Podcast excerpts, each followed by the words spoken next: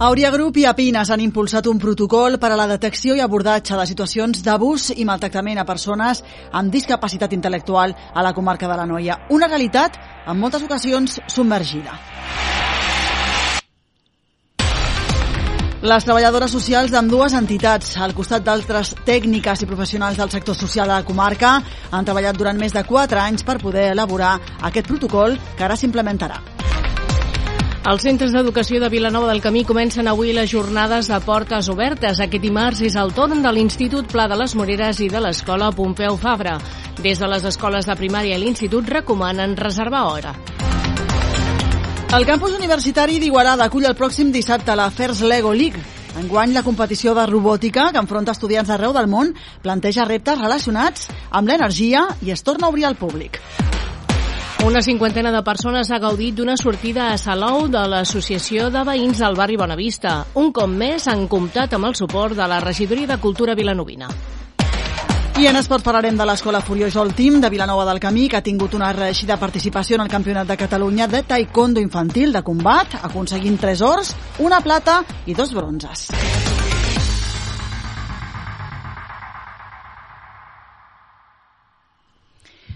Auria Group i Apines han impulsat un protocol per a la detecció i abordatge de situacions d'abús i maltractament a persones amb discapacitat intel·lectual a la comarca de la Noia. Una realitat, diuen, en moltes ocasions submergida que vulnera els drets personals més fonamentals de persones amb especial vulnerabilitat. Les treballadores socials d'ambdues entitats, al costat d'altres tècniques i professionals del sector social de la comarca, han treballat durant més de 4 anys per poder elaborar aquest protocol. La iniciativa va sortir de la Fundació Privada Àuria, entitat d'Àuria Group, i ha comptat amb el suport i la col·laboració d'altres entitats especialitzades que treballen per a persones amb discapacitat intel·lectual de la comarca, com per exemple a Pines, la Fundació Gandhi, els serveis socials i els serveis de salut, els cossos de seguretat i diferents administracions públiques com el Consell Comarcal de la Noia i l'Ajuntament d'Igualada. Un treball comunitari i en xarxa, com destaca la treballadora social de la Fundació Àuria, Georgina Comte.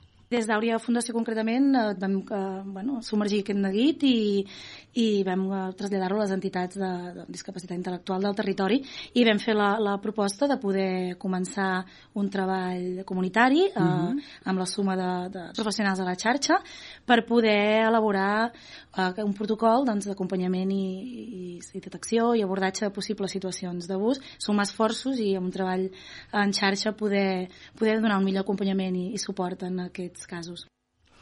La suma d'esforços d'aquests professionals s'ha fet des del compromís i la convicció de la necessitat de redactar aquest document, un dels aspectes més significatius del procés, segons assenyala Anna Oroz, treballadora social de Pines. El que ha estat significatiu d'aquest procés és que des de la iniciativa de, de Fundació Àurea s'han anat sumant esforços i la gent, el, tant els serveis, tant l'administració com les entitats, han posat professionals, és a dir, els professionals han creat el cos d'aquest document eh, motivats, convençuts i convençudes de la importància de tenir aquest protocol. En total han estat gairebé una quarantena els professionals que han col·laborat i han sumat la seva experiència en aquest procés que ha permès visibilitzar la situació abordada. Ho explica l'Anna i la Gina quasi 40 persones, no? Sí, Georgina? gairebé 40 professionals des de que vam començar sí, el procés de treball sí. han sumat en algun moment o altre la seva expertesa. La, sí, I, i dir que quan vam començar el grup d'atenció a la víctima dels Mossos d'Esquadra teníem a poques persones detectades, poques situacions de, de violència d'abús eh, detectades. I què ha passat? Que en aquest procés ja s'han detectat més. És a dir, eh, senzillament s'han tingut més presents, s'ha visualitzat. El 2019, com explica Georgina Comte, es partia del registre de mitja dotzena de casos, però al llarg del procés de redacció del protocol, el 2021 ja eren 23 els casos detectats. Fins ara, com explica Comte, s'havien establert coordinacions i mecanismes per atendre aquest fenomen, però no existia un circuit o una xarxa per fer un abordatge comú i un acompanyament concret.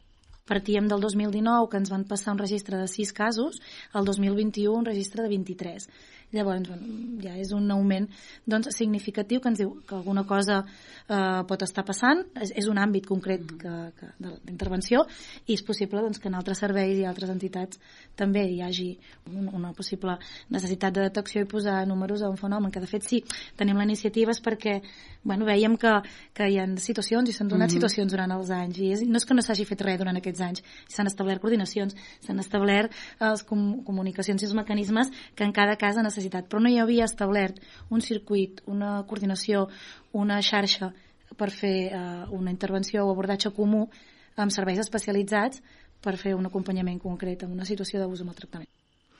El protocol està pensat per als majors d'edat i fins a la franja dels 65 anys, perquè els menors ja tenen el seu propi circuit d'atenció i els majors de 65 també per mitjà de l'EAVA.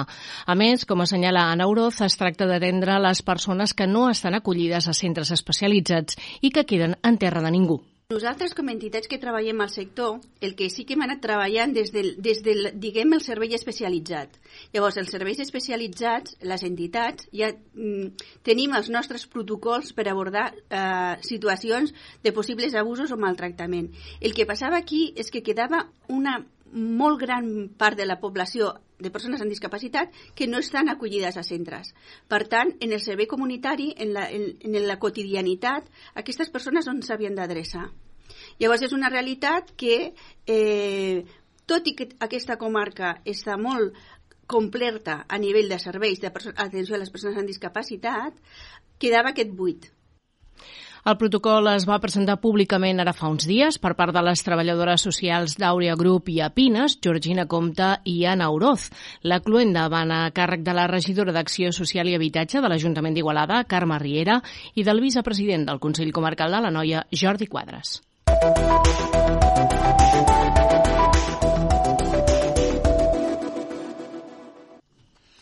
Els centres d'educació primària de Vilanova del Camí i l'Institut comencen avui les jornades de portes obertes. Aquest dimarts al torn de l'Institut Pla de les Moreres i de l'Escola Pompeu Fabra. Des de les escoles de primària i l'Institut recomanen reservar hora per la visita per telèfon o bé per correu electrònic. El Pompeu Fabra ha organitzat una passejada per l'escola i una xerrada informativa en dos torns, de matí i de tarda. La primera visita serà a un quart de deu, ha estat un quart de deu d'aquest matí, i la segona a un quart de quatre de la tarda. Mentre que l'Institut Pla de les Moreres han programat una xerrada i visita pel centre, també en doble torn, però tots dos a la tarda, a les 6 i a les 6.30, durant aproximadament una hora i mitja. Les portes obertes a l'escola Marta Mata seran el dia 1 de març. També es faran en dos torns, de matí i de tarda, tarda i en horari escolar, a dos quarts de deu i a dos quarts de quatre de la tarda.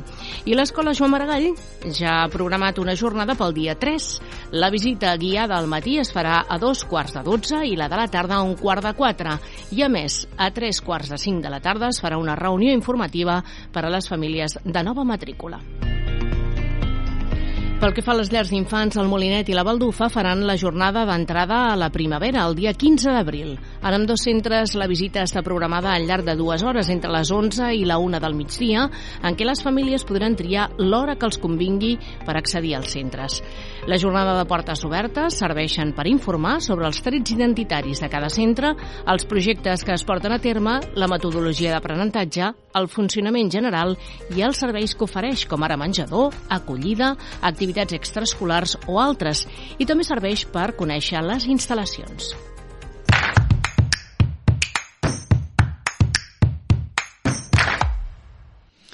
I continuem parlant d'aquestes jornades de portes obertes que són interessants per a començar a preparar la preinscripció escolar del pròxim curs. I és que aquesta preinscripció del segon cicle d'educació infantil de 3 a 6 anys i de primària de 6 a 12 es durà a terme del 6 al 20 de març. Pel que fa a l'educació secundària obligatòria, la preinscripció està prevista del 8 al 20 de març. En canvi, per a l'alumnat que cursarà batxillerat, caldrà que faci la preinscripció per la modalitat que hagi escollit entre el 20 i el 26 d'abril. Pel que fa als cicles formatius de grau mitjà o d'arts plàstiques i disseny, l'alumnat de continuïtat de quart d'ESO podrà presentar sol·licituds el 12 al 18 d'abril i la resta de l'alumnat entre el 9 i el 15 de maig mentre que per l'alumnat que vulgui cursar grau superior, la preinscripció es durà a terme entre el 26 de maig i l'1 de juny. I per últim, pel que fa al primer cicle de l'educació infantil, dels 0 als 3 anys, encara no s'han publicat les dates, així tot es preveu que sigui durant el mes de maig. Trobareu tota aquesta informació i l'espai per fer el tràmit en línia a preinscripció.gencat.cat.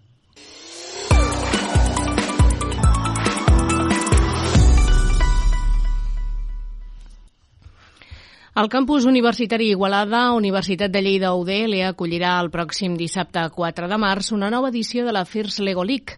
Després de dues edicions marcades per la pandèmia, enguany la competició es torna a obrir al públic i famílies. Aquest 2023, la competició de robòtica, que enfronta estudiants dels centres educatius de primària i secundària de tot el món, torna a les instal·lacions universitàries igualadines i ho fa amb la participació d'uns 200 estudiants. La categoria Challenge eh, compta amb 16 equips formats per joves entre 10 i 16 anys, provinents de diverses poblacions que s'enfrontaran a les instal·lacions del campus al Pla de la Massa. Pel que fa a la categoria Explore, comptarà amb una mitjana de 12 equips amb alumnes entre 6 i 9 anys. Els reptes d'aquesta edició organitzada per l'Escola Politècnica Superior de la UDL estan relacionats amb el món de l'energia sota el lema Superpowered. Es tracta d'explorar la procedència de l'energia, la distribució, el magatzematge i la seva utilització per innovar i aconseguir un millor futur energètic, destaquen els organitzadors. A banda dels eh, més de 200 estudiants que estan citats a mostrar les seves capacitats tecnològiques i competir amb els robots de Lego que han construït eh, durant el curs, la competició mobilitza igualada una quarantena de voluntaris entre professorat i estudiants i també professors associats i famílies.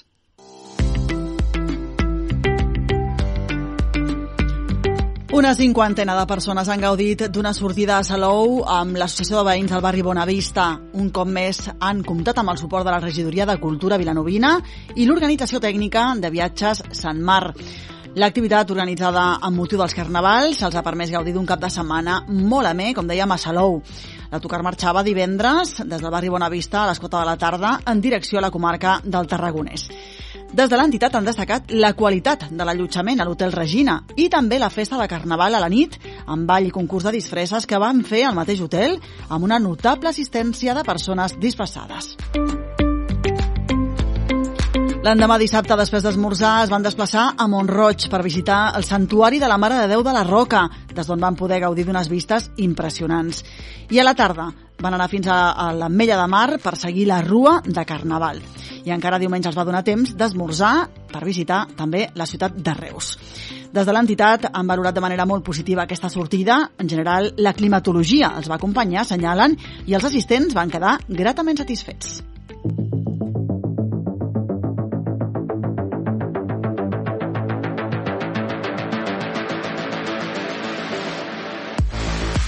I en esports hem de parlar d'un bon cap de setmana per l'Escola Fúria Jol Team de Vilanova del Camí, que ha tingut una reeixida participació en el Campionat de Catalunya de Taekwondo Infantil de Combat.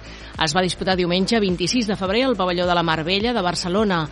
L'escola participava amb 10 competidors i va aconseguir 3 ors, una plata i dos bronzes. Izan de la Fuente, Pedro Zamora i Daniel Cárceles van quedar campions de Catalunya després de superar tots els rivals. Aleix Sánchez fregava l'or, però es quedava a les portes en perdre la final en el punt decisiu i després empatar en els dos assalts. Asier Gualda i Ana Hernando van quedar en tercera posició sumant també dues medalles de bronze per l'escola. Al campionat també hi van participar Asier González, Joel Carmona, Eric Fernández i Daniel Montes, que malgrat fer molt bons combats, no van passar de la primera ronda. L'equip de coach estava format per Alberto Fernández, Daniel Gil, Isaac Carmona i Alba González. Un èxit pels petits de l'escola vilanovina entrenats per Jonathan González.